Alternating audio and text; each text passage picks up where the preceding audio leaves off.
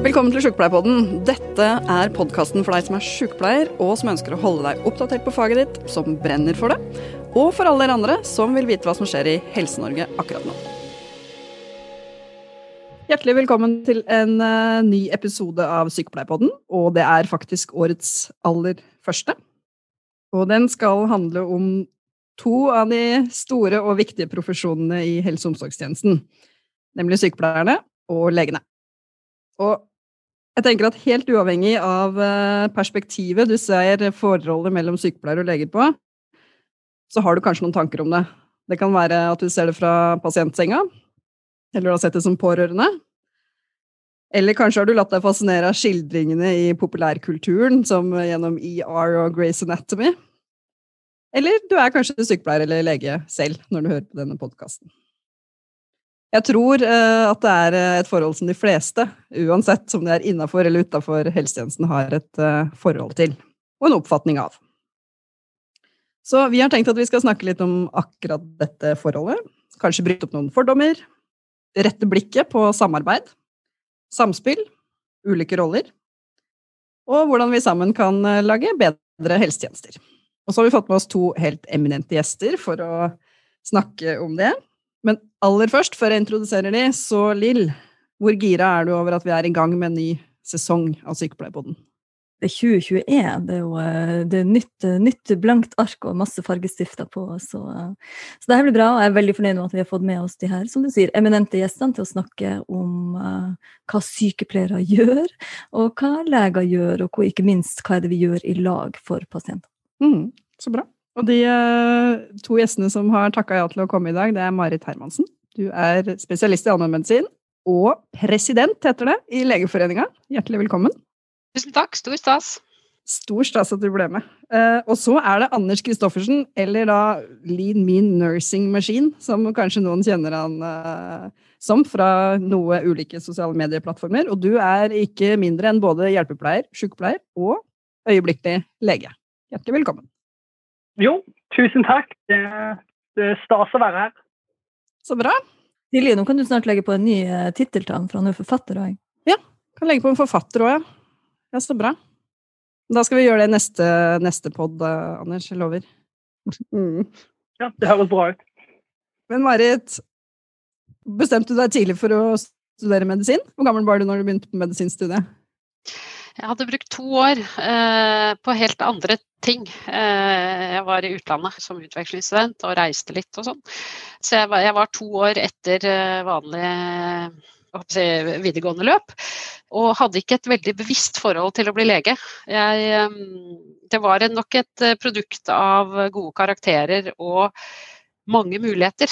Jeg så at hvis jeg mm, utdanna meg til lege, så kunne jeg til og med, og da det var jo tidsriktig, så kunne jeg til og med bli statsminister. Eh, så, så, så jeg så at det var en akademisk utdannelse. Og når du har vært eh, god til å, å, å lese og lære fort, så, så frister det. Eh, og så så jeg at det ga mange muligheter.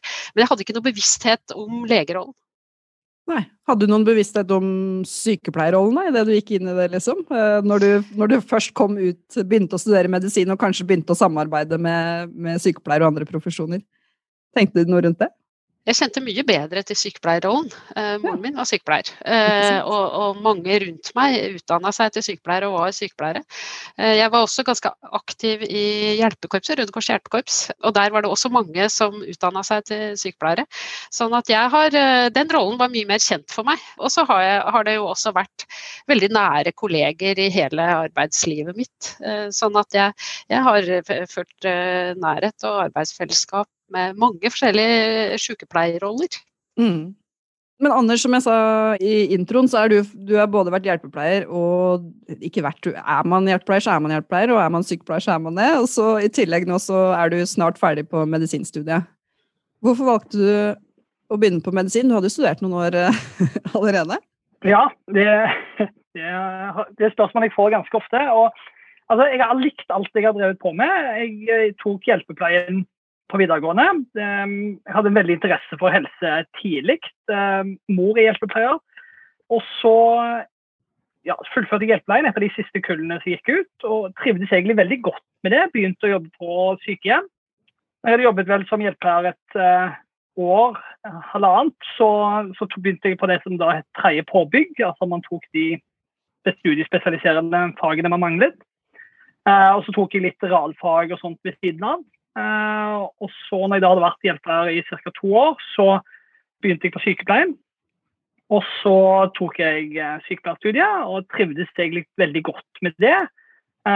begynte å jobbe på legevakt, eller litt på akuttmottak, og så et 100% stilling på, på legevakt. Og syntes egentlig det var helt supert. men jeg utviklet veldig raskt en, en naturvitenskapelig interesse og ville ha jeg følte at hver utdannelse åpnet mye dører. Så følte ikke helt ferdig med å studere, og så måtte jeg jo ha to års erfaring for å komme inn på noen master på spesialsykepleier, og det gadd jeg ikke vente på. Så søkte jeg medisin istedenfor, og så kom jeg inn der, og så begynte jeg, og så har årene bare gått, da. Når du sier det på den måten, så er det jo egentlig bare en ny bachelor, for du måtte jo ha venta de årene uansett. Nei da. Det høres veldig lettvint ut, men jo, du flytta også til utlandet for å, komme, for å, studere medisin, så er det et stort valg? Det var et stort valg å flytte utlandet, men man får mye bonus med å bo i utlandet også. Og så pleier jeg å si at, jeg, eh, at nå er jeg sykepleier med fordypning i medisin, da. jeg å si. Eh, Lill, har du noen gang Du er jo ja, hva skal vi si? si jeg, nå skal vi skryte av Lill, så ku, nå må ikke hun si sånn nei og sånn, men uh, jeg vil si at Lill er sånn over gjennomsnitt uh, smart. Og du har jo en doktorgrad. Har du noensinne fått spørsmål hvorfor i all verden ble du ikke bare lege? Jeg har fått det spørsmålet mange ganger, hvorfor jeg ikke bare blir lege. Uh, jeg vet ikke helt hva man skal si til det. Når jeg var liten, sånn, så jeg, jeg, jeg, tror ikke jeg hadde så klart Jeg skulle jobbe innenfor helse. Sykepleiere kjente jeg jo til flere fra jeg var liten. Jeg kjente nok veldig få personlig som lege, men jeg tror jeg veksla litt i den perioden som barn om jeg skulle bli lege eller sykepleier. Men det var veldig klart fra jeg var liten at jeg skulle jobbe innenfor helse. Jeg skulle hjelpe noen. Jeg var som, som Anders også opptatt av det naturvitenskapelige og lærte meg som sagt mye latin. Jeg hadde en bror som åtte år eldre meg, som, som studerte radiografi. Og da, da, da, lærte jeg meg latin, latinske begrep og skjelettstruktur f.eks. samtidig. Og så ble det noe, når jeg da kom til videregående, så var det fortsatt egentlig ikke helt klart om jeg skulle bli sykepleier lege. Da hadde jeg kanskje, i motsetning til dem, Marit, litt mer behov for å farte ut og henge sammen med mange andre folk. Så jeg måtte i stedet for å ta opp fag hvis jeg skulle ta det siste, siste, mm, for å klare å komme inn på første år, i alle fall. Og det gjorde jeg jo ikke. Og da begynte jeg på sykepleie, og så ble det sånn, og jeg er blitt veldig fornøyd med det. Mm. Mm. Hvordan opplever du at folk ser på den forholdet mellom det å være sykepleier og være lege. Ikke bare hvordan de ser på om du er sykepleier eller lege, men også det forholdet mellom eh, profesjonene. Da. Det kommer litt an på hvem, du, hvem vi snakker med, selvfølgelig. Eh, og det varierer vel også innenfor våre egne profesjoner hvem vi snakker med av sykepleiere, om hvordan vi, vi ser på forholdet imellom, og, og det samme mellom legene. Eh, sånn mellom, fra pasienten sitt ståsted så er det jo ofte en, eh, en idé om at um, altså sykepleier som assistenten til, til, legen. Og det er vi jo også i en hel del sammenhenger, samtidig som vi selvfølgelig også har et eget fag og, og gjør arbeidsoppgaver som ikke bare spiller opp til legen sine, sine arbeidsoppgaver. Eh, men det er litt sånn artig, for at når man har pasienter, så spør de ofte etter eh, legen, eller gjerne overlegen. Det er ikke, det er ikke bestandig det er legen som eh, at du holder, det er overlegen som har vært innom, eller skal, skal komme innom for å gi noen beskjed.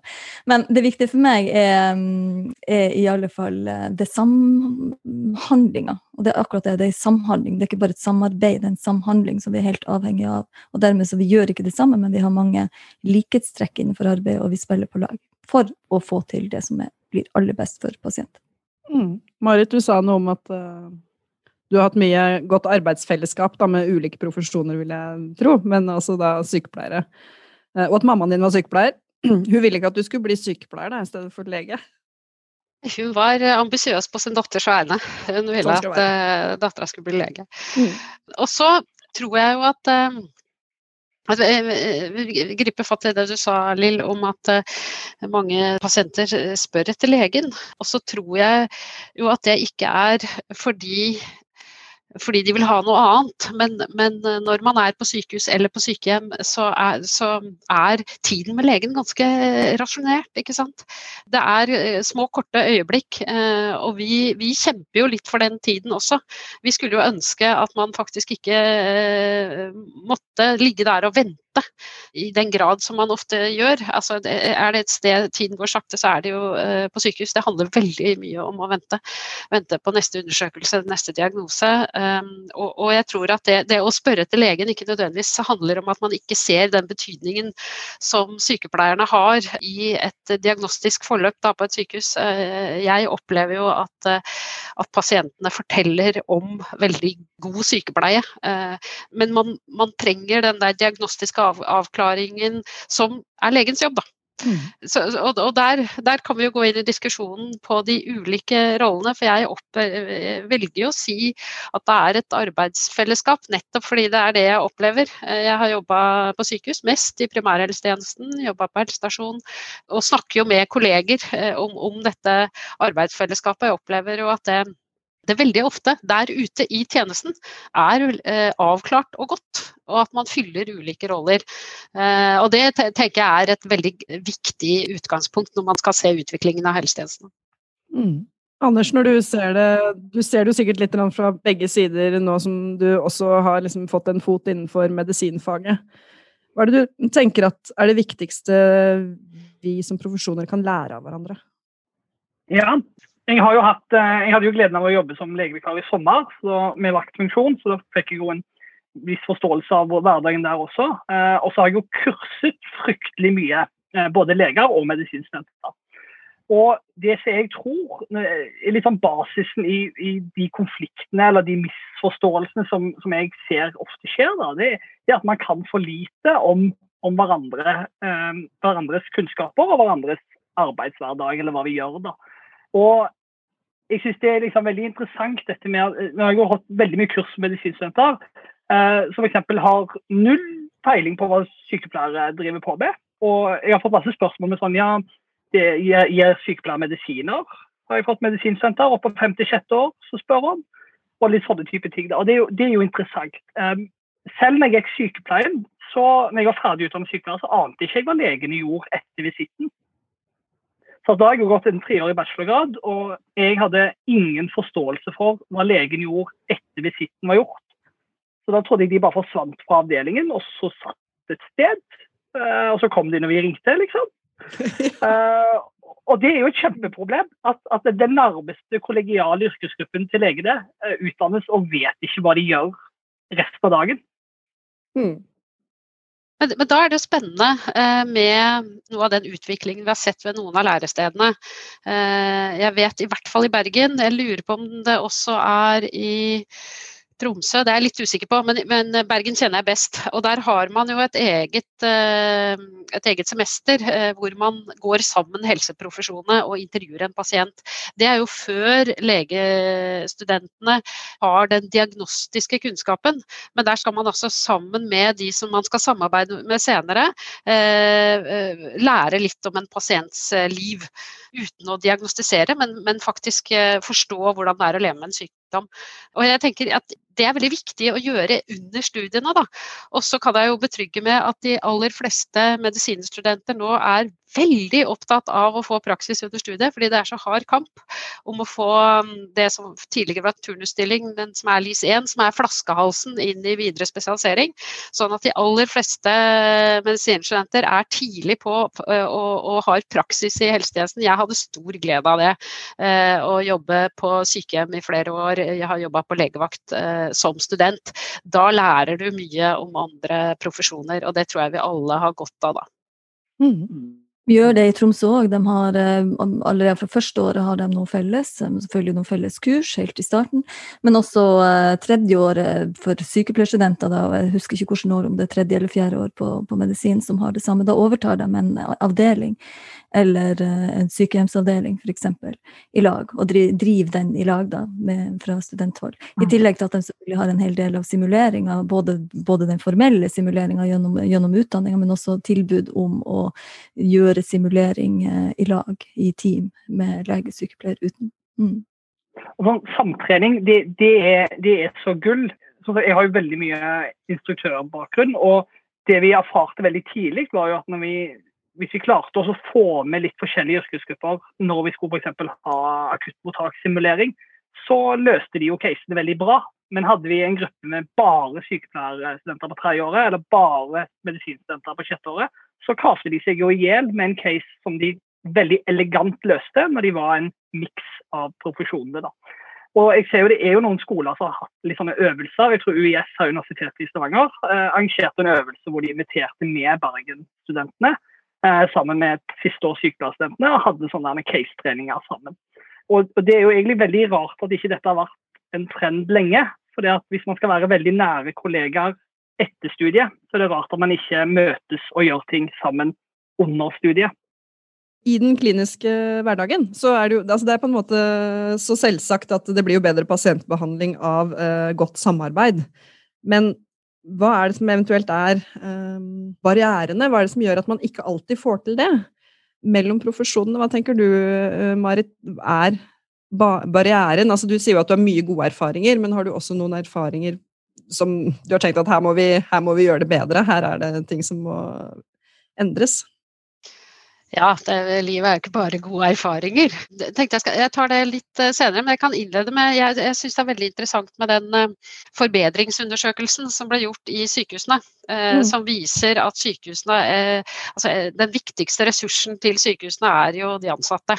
Dyreste også. Og, og, og, som viste et voldsomt engasjement.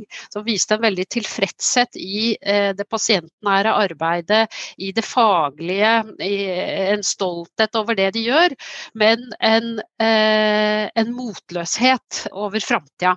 Og en opplevelse av at tiden ikke strekker til, eh, og at man beveger seg på grensen av, av det som er faglig forsvarlig. Eh, vi har sett en, en, spesialisthelsetjeneste som har effektivisert og strukket strikken så langt det er mulig å strekke, og, og leverer veldig gode tjenester eh, for pengene. Og det det er ikke næring for godt samarbeid, fordi samarbeid tar tid. Eh, og det skal investeres. Altså man, eh, teamarbeid tar også tid, gir ofte gode resultater. Eh, og så er det av og til må du bare ta avgjørelser og, gjøre effektive ting i en linje. Men, men jeg, jeg, tror at, at den tidsklemma og den, den, litt strukne tiden, da, den legger kjepper i hjulene for at vi skal få til det gode samarbeidet og den, det arbeidsfellesskapet og, og, og, bli kjent. Man skjærer vekk alle møter, alle, eh, alle, ting hvor du blir kjent. Alt skal være supereffektivt. Eh, og da mister du noe på vei. Mm. Så det, jeg, jeg, tenker det er, en, det er i hvert fall noe man må se etter. Da. og hvis du, altså Gode og dårlige erfaringer. Det å komme som helt fersk turnuslege og skal ha ansvar i akuttmottaket og ha ansvar eh, på overvåkninga og møte de supererfarne sykepleierne da kan du gå i én grøft, og det er å bli helt eh, mer erfaren enn det du er. Eh, og, og, og, bare være Ikke høre på råd fordi du er redd for at de, de, på en måte skal overgå deg. Eller så kan du tenke at Fordi du blir jo litt testa, ikke sant. Eh, eller så kan du tenke at det, det er gode, velmenende råd men jeg har ansvaret, så jeg må ta beslutningen. Det er sånn, Der er det et spill eh, som av og til eh, ikke, ikke, går så bra. Men, men, hvis du nærmer deg med ydmykhet, nysgjerrighet, men en god rolleforståelse, så opplevde jeg at det gikk greit. Og det er en utrolig morsom beskrivelse. fordi når jeg satt og forberedte meg til denne podkasten så leste jeg noe forskning som faktisk var fra 67, om noen de kalte the doctor nurse game.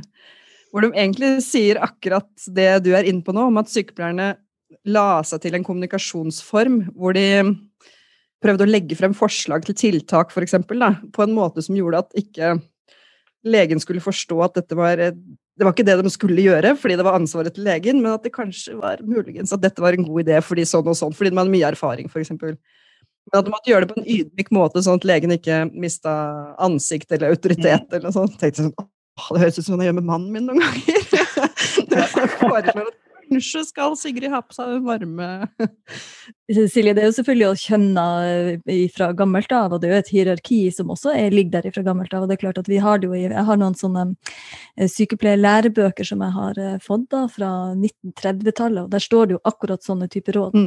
Råd om hvordan du skal snakke til legen, sånn at legen er fullstendig klar over at det er den som har ansvaret for diagnostikk og behandling, men likevel hvordan du kan få gjennomslag for det du ser og vurderer. Altså konkrete råd på det. Men jeg synes det var litt artig, for at når jeg da begynte som helt nyutdanna mm, sykepleier også i 2002, en av de første plassene jeg jobba som sykepleier, var på nevrologisk avdeling på UNN. Og der var det en, eh, en, eh, Jeg lov å si gammel, han var ganske gammel, han, nesten så han gikk av med pensjon, i alle fall, en, en, lege som var der. Og ut av de første vakten, eh, og jeg hadde visitt i lag med han, så setter han seg ned og så prater han med meg. Og han var veldig opptatt, interessert i å høre om mine vurderinger. Jeg var nervøs, rett og slett nervøs, for jeg, jeg følte meg jo òg testa. Hva kan jeg, hva kan jeg ikke ikke sant, om det her. Man brukte god tid med meg. Og etterpå det så forklarte han meg sånn, på ettermiddagen før jeg skulle gå av, så sa han at uh, den jobben du gjør, og de vurderingene du gjør, er av enorm betydning for at jeg skal kunne gjøre jobben min. Så hvis ikke jeg får gode nok observasjoner, hvis ikke jeg får høre dine vurderinger av også de tingene som du kanskje bare huncher, det han sa selvfølgelig ikke hunche, men i alle fall, så vil ikke han kunne gjøre jobben sin. Og det har jeg tatt med meg. Så det var en av mine første vakter som sykepleier. Det har jeg tatt med meg og brukt til uh, omtrent alt av studenter jeg har har møtt både som, som studentveileder, men også som lærer eh, etter hvert på universitet. Mm. Hvis ikke vi gjør jobben vår godt og er i stand til å argumentere for det vi ser, så kan heller ikke legen gjøre jobben sin godt. Mm. Det, det, er morsomt Silje, at du nevner lege-sykepleier-spillet som et uttrykk. for Jeg har til og med jeg skrevet ned her på notatene mine for dagen. Ja. Uh, for Det lærte jeg også på sykepleien.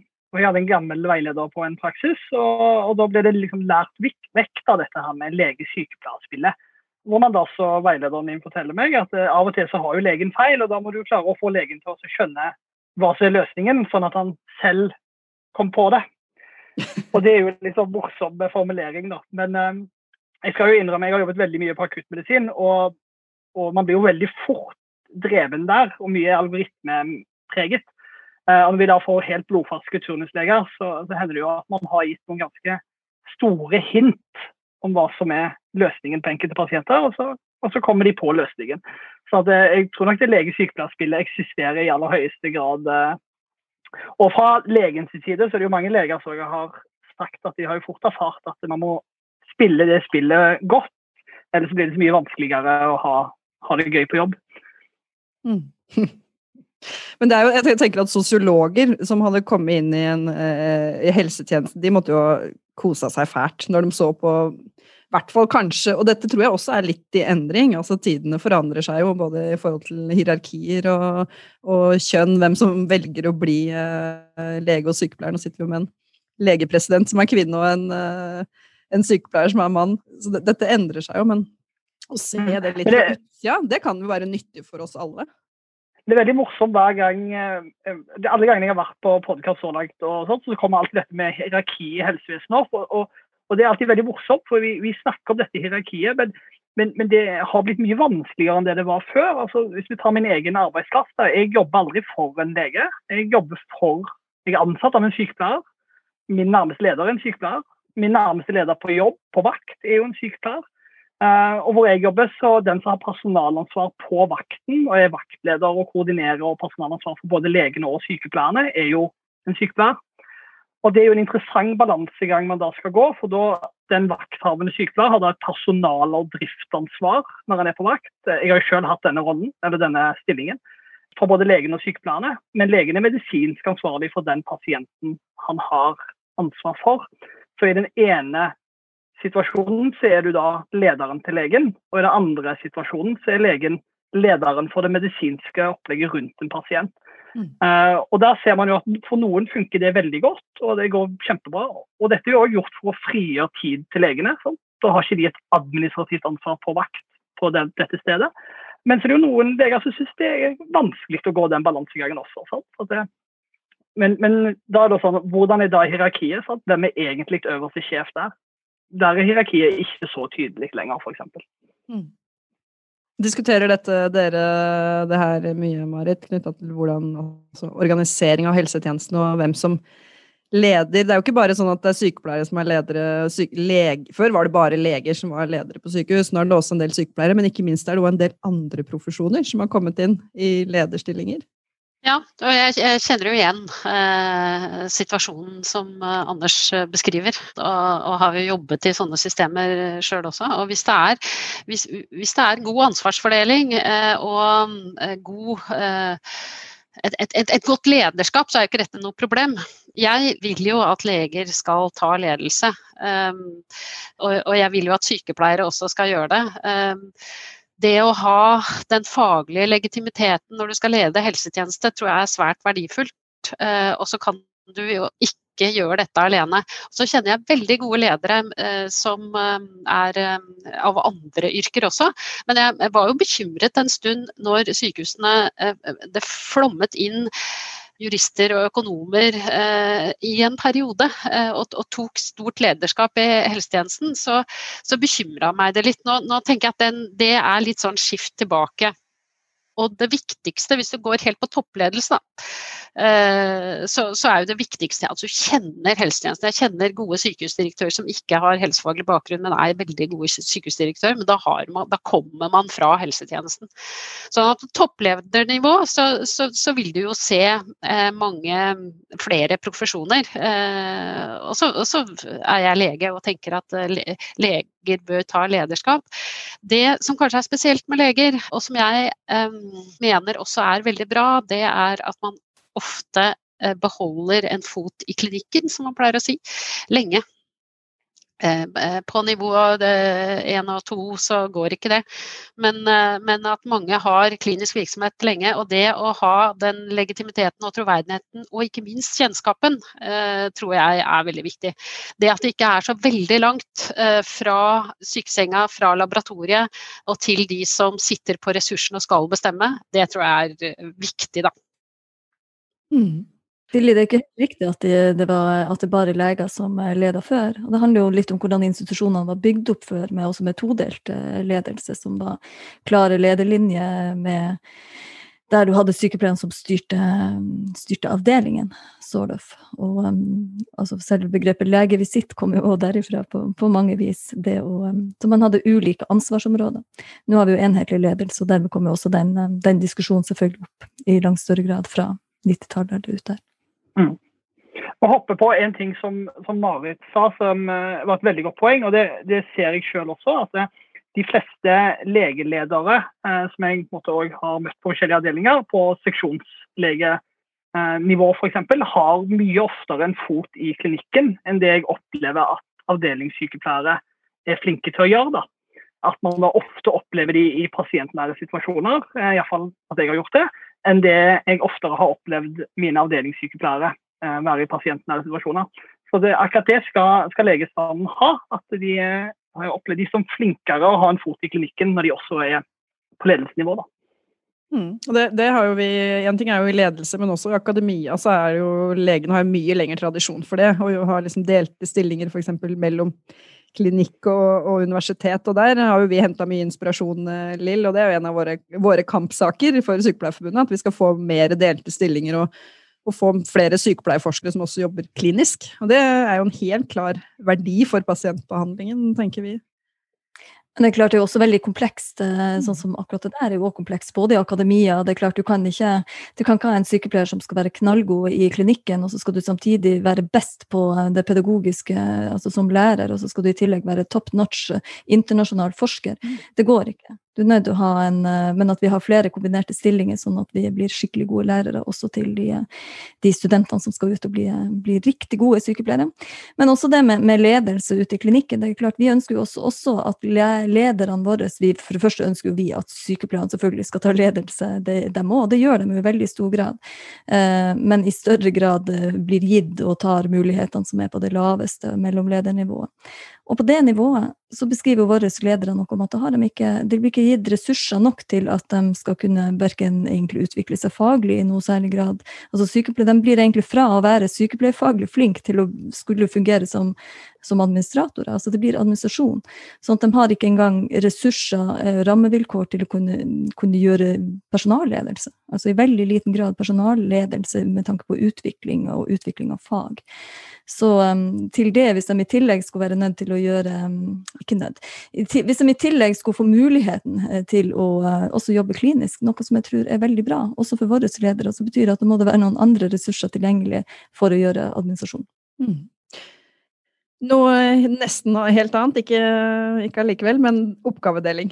Det må, vi, det må, vi, komme innom. Fordi der har jo vi, eh, eller Sykepleierforbundet, løfta debatten eh, i flere år nå. Men også så har det vært en debatt om hvordan vi bruker eh, ressursene i, i helsetjenesten.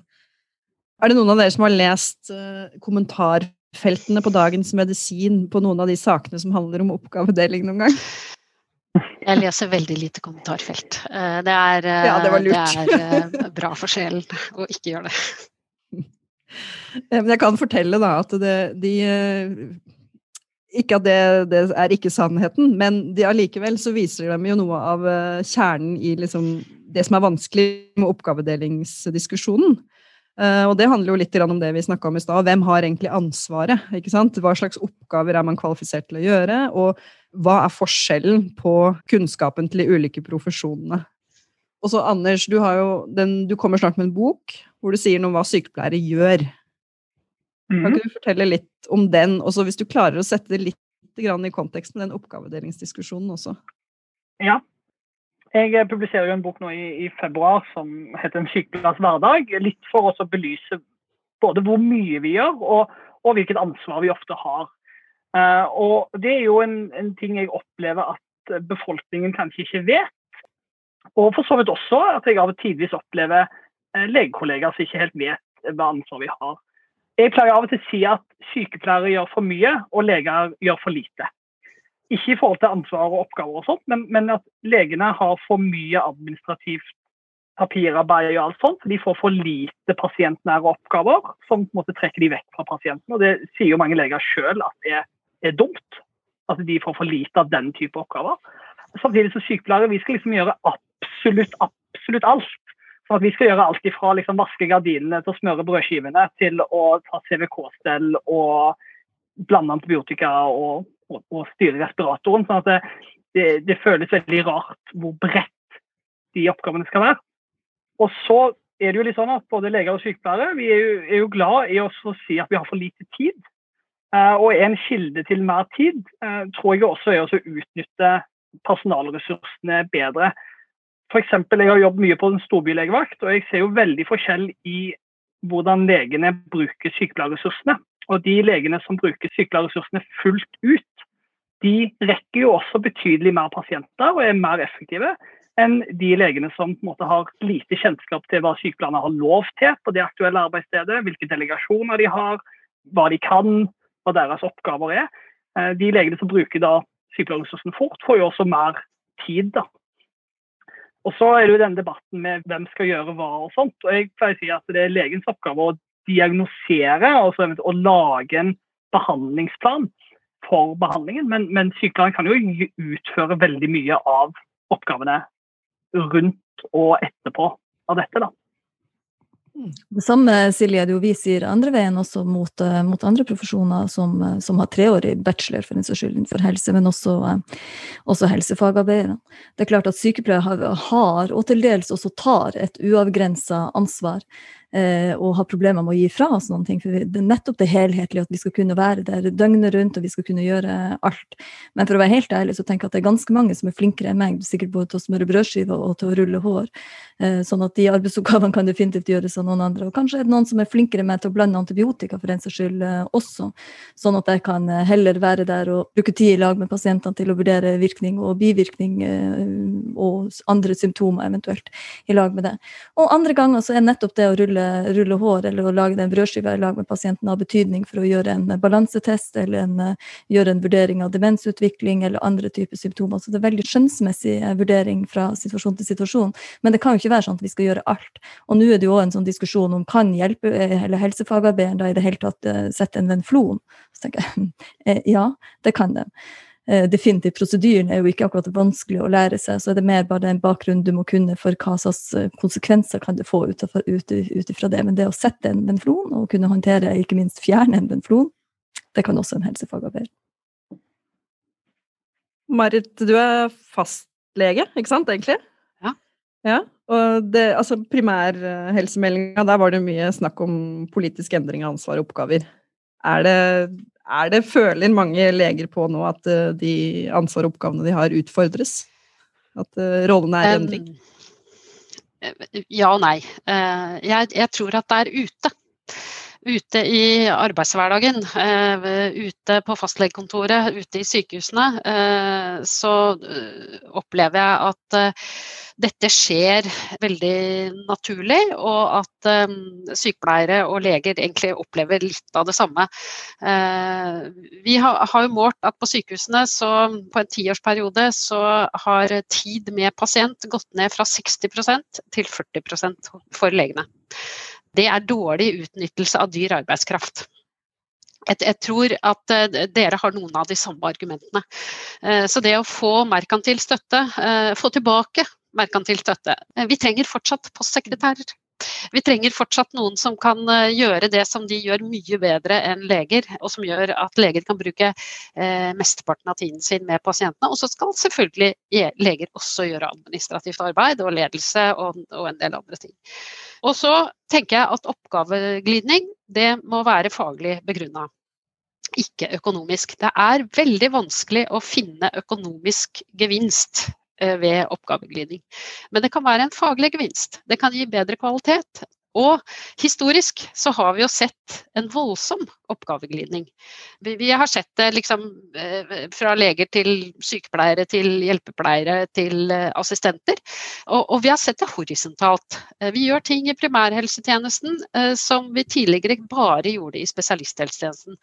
Og det, Man kan jo diskutere om noe av det har vært økonomisk betinga, men, men ofte så har det vært på basis av at man ser at det er faglig forsvarlig, og at det gir bedre helsetjeneste for pasientene. Og jeg tenker det er der vi må eh, diskutere. Og så kommer vi opp i og så spør du, ikke sant, er det, føler man seg truet? Det er alltid, endring er alltid vanskelig, men jeg tenker det er eh, legitime diskusjoner som vi er nødt til å ta da, eh, når, når vi diskuterer om, om, man skal ha skopører, altså ikke leger som gjør eh, endoskopier.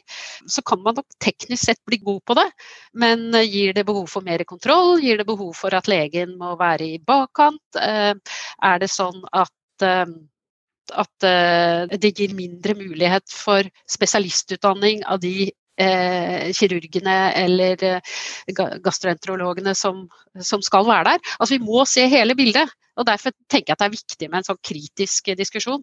Men eh, gjennom tiden så har, vi, eh, så har, det vært en massiv oppgaveglidning. Eh, og ofte, ofte, eh, med gode grunner, og, og som gir bedre kvalitet og god effektivitet. Mm. Jeg synes det, det, er viktig det Marit er inne på her, med at man må se konsekvensene av, av å gjøre en endring også. Um, for, at, for, hver endring vi gjør som fjerner legen fra pasienten, så har også uh, legen mindre tid enn pasienten, eller pasienten ser legen mindre. Og Jeg har jo opplevd noen sånne absurde vedtak som også har blitt gjort. at F.eks. man bestemte et sted at hvis man skulle melde en akutt dårlig pasient ned til mottak, så var det legen som måtte melde pasienten det fikk ikke sykepleier lov å gjøre. Det innebærer jo da at når vi sto med en kjempedårlig pasient på legevakt, så ville legen gå ut av rommet, forlate pasienten, som da var kritisk kjempedårlig, for å melde pasienten over telefon fra et annet rom. Uh, og Da står sykepleierne igjen med den kjempedårlige pasienten. For det noen bestemte at nei, de ville ikke at pasienten skulle melde av en sykepleier. Men meldingen var jo veldig enkelt. Det var jo f.eks. pågående STEMI Eh, pågående hjerteinfarkt, kolsvaring. Altså det, var, det var ikke lange utgreininger. Og Da gjorde man jo en beslutning som fjernet legen fra pasienten, eh, men man beholdt et hierarki. da. Mm. Ja. Og det er jo også noe med å se de, eh, de, de, ulike kompetanseområdene. Det skal selvfølgelig være en faglig vurdering som hva igjen hva som er best for pasienten. Men det er også å se det utover som, som, som helhet i et land. Eh, alle kan jo ikke jobbe i Oslo og Tromsø, selv om det er nydelige byer begge to. Så vi er nødt til å utdanne folk, eh, både leger og sykepleiere, som også skal jobbe ute i distriktene. Og da er det kanskje en særlig kompetanse som også trengs i de områdene. Det har jeg tenkt på om man burde, burde, burde man ha det allerede inne på utdanning, en slags spesialisering innenfor det området, eller hva tenker du, Marit? Eh, generalisten har jo fått en renessanse, tenker jeg da. Eh, driften mot det høyspesialiserte, den, den, er helt, den, er der. Den kraften vil alltid være der eh, og driver av seg selv. Eh, det, at vi har fått en litt sånn motkraft som, som løfter betydningen fordi det har manglet av generalistkompetanse, det tror jeg er veldig viktig. Og vi, det er en politisk enighet om at vi skal bosette dette landet helt ut i den ytterste fjord. Og da må også de ha gode helsetjenester. Da trenger vi erfarne sykepleiere med høy kompetanse som kan stå hos disse dårlige pasientene som skal ha behandling eh, der hjemme, og som, som, lever i hjemmene sine med alvorlige sykdommer. Eh, og vi trenger god legevakt som, med god bemanning som, som, kan ta vare på når folk blir alvorlig syke med lang reisevei til sykehus. Så, så, her vi, her er det alle mann eh, som trengs, altså. Jeg vil gjerne ha flere ut av de vi har jo det AKS, altså avansert klinisk sykepleierkompetanse. Jeg vil, flere, jeg vil, ha flere med en sånn type bredde, men samtidig en dybdekompetanse for sykepleiere ute i distriktene. Og dermed utvikle fagmiljø som, eh, som kanskje også virker rekrutterende på leger, sånn at vi slipper å ha en fastlegemangel, at vi får dem ut der de også hører hjemme, istedenfor at de eh, kanskje da har mest lyst til å jobbe i Oslo og overta en del av de oppgavene som anestesisykepleiere f.eks. har i dag, og med, med godt hell og med god faglig begrunnelse for hvorfor det er akkurat de yrkesgruppene som skal ha. Så det er noen ting med at man må tenke både yrkesgruppen sin kompetanse, hva som er best for pasient, men også for sånn helhetlig i landet, hva som er, hva som er best både i rurale og urbane strøk. Og det henger jo sammen med det Marit var så vidt inne på i med denne horisontale utviklingen også. Den oppgaver som går fra sykehus til eh, primærhelsetjenestene, men også ikke minst den demografiske utviklingen hvor vi vet at det kommer til å bli enorm eh, brukt for kompetansen til både sykepleiere og leger og andre helseprofesjoner i årene fremover. Og da er jo det en felles utfordring da, for eh, legene og sykepleierne hvordan gjør vi dette ved å samarbeide best mulig og for å få gode helsetjenester til hele befolkningen i hele landet. Og det, det tror jeg er den aller siste utfordringen dere skal få. Tar vi en liten runde på det helt til slutt. Anders, og så Marit, og så Lill. Mm. Jeg, jeg, tror vi, altså Man kommer jo ikke utenom at vi trenger eksepsjonelt mye sykepleiere. Vi har en enorm sykepleiermangel. Eh, og vi trenger nok flinkere sykepleiere, eh, i frykt for at det kan være en sånn trigger for å fyre opp folk og si det. Men, men spesielt i distriktene. Og, og man, man, klarer ikke å ha en legedekning som er tett nok til at man kan basere seg på at alle pasienter som trenger det, får et legetilsyn så fort de kanskje skulle hatt det. Altså nå, nå har jeg stort sett jobbet i by, og jeg ser jo bare vår utfordring med det ringer kanskje en syv-åtte alvorlige telefoner fra sykehjem inn til en legevakt hver, hver vakt. Uh, og alle de syv-åtte kan ikke vurderes av, av lege alltid. Og, og, det er klart at Hvis man hadde hatt f.eks. sykepleiere med en bredere uh, undersøkelseserfaring og opplæring ute på f.eks. sykehjemmene, så hadde man også unngått en hel haug med unødvendige legeutrykninger. Man hadde spart på legeressursene. Og men når man ser på dette med oppgaveglidning og ressursbruk, så tror jeg mange leger ikke alltid er klar over at hvis man høyner kompetansen til sykepleierne og gir de mer verktøy og mer vurderingskompetanse og mer undersøkelseskompetanse, så sparer man også sterkt legeressursene. Og Da sparer man da både tid og ressursbruk av legesiden. For da vil de pasientene som trenger det, de som vil få legetilsyn fordi de har blitt vurdert på forhånd. Samtidig så tror jeg jo at med litt tydeligere sykepleierroller så og litt mer utfordringer som sykepleier, så får du også en betydelig rekruttering til yrket. Det er jo litt sånn som at når Stavanger legevakt fikk legebil med sykepleiere med utrykningskjøretøy, så sleit vi ikke med å få tak i nok sykepleiere lenger. Sånn at eh, Gjør man jobben spennende og med mer utfordringer og mer autonomi, så, så rekrutterer man også. da. Og så tror jeg jo at et bedre lege-sykepleier-samspill sparer ressurser i begge endene. da. Mens man ofte Argumentet jeg har blitt møtt med, er at hvis sykepleierne skal gjøre mer, så så bruker vi allerede opp en ressurs vi har lite av. Eh, men jeg tror egentlig ikke det er sånn. Marit, hva tenker du? Hva er det viktigste vi samarbeider om fremover? Jeg har jo jobba på landet, jeg bor jo på landet. Eh, I et, altså i et ruralt strøk. Og jeg har jo sett eh, nytten og, og, og, hatt stor glede av eh, veldig kompetente sykepleiere ute i kommunen. Der er det nok eh, slik at det er større stabilitet også, fordi det er ikke så veldig mange konkurrerende arbeidsmarkeder for syke, sykepleiere. Jeg er opptatt av at vi nettopp skal ha disse veldig kompetente sykepleierne Eh, i distriktet nær, altså hos pasientene. Eh, hvordan skal vi klare å, å, å gi en attraktiv arbeidsplass for sykepleiere eh, i klinikken, sånn at ikke de flinkeste sykepleierne forsvinner inn på kontorene. og det, det, Ja, det skal ledes, altså, men, men, vi trenger å gi attraktive arbeidsplasser der hvor de, hvor de, virkelig trengs. For det er jo en av mine viktigste samarbeidspartnere når jeg sitter som fastlege på et kontor med avstand til sykehus, er jo sykepleiere som kan gjøre avansert behandling og observasjon, sånn at jeg kan eh, være en bedre eh, fastlege. Og, og, og, vi la jo vår stolthet i at vi løste problemene på sykehjemmet, sånn at det ikke ble så mange henvendelser til legevakten. Men når det da ble det, så skulle legevakten kunne rykke ut og faktisk dra i sykebesøk til disse aller sykeste eh, på, eh, i kommunen. Så, så, vi trenger breddekompetanse. Vi trenger at eh, leger eh, får bruke tid med pasientene. Og vi trenger at sykepleiere også får bruke sin eh, breddekompetanse eh, hos pasientene. og så må vi klare å lage laget imellom, da. Lill? Vi må jo bygge de kompetansemiljøene i, i distriktene. Altså det er noen ting med at vi, vi, flytter jo flere og flere arbeidsoppgaver fra spesialisthelsetjenesten og ut til, uh, ut til kommunene, kommunene generelt, ikke bare distriktene. Da må vi bygge kompetansemiljø som, som, er varige, og som ikke bare for i år, ikke bare for 2021, men for 2030 og 2050. Det er jo der det skal skje ute i kommunene. Det er, der, eh, det er, jo der, det skjer. Da må vi også tenke nytt om kompetanse. Jeg har jo skrevet noen ting om det om å ta av seg tvangstrøya. Profesjoner som blir litt sånn fastlåst, eh, kan jo også bli oppfatta etter hvert som en sånn tvangstrøye. Og kanskje særlig i kommunene tror jeg vi er nødt til å tenke nytt om hvordan, eh, hva slags arbeid er det vi gjør. Hva slags arbeid er det sykepleiere skal gjøre, hvorfor skal man gjøre det? Og det er ikke nødvendigvis riktig i Oslo kommune eller i, i Balsfjord kommune, som jeg er ifra. Det kan hende at det vil være ulikt.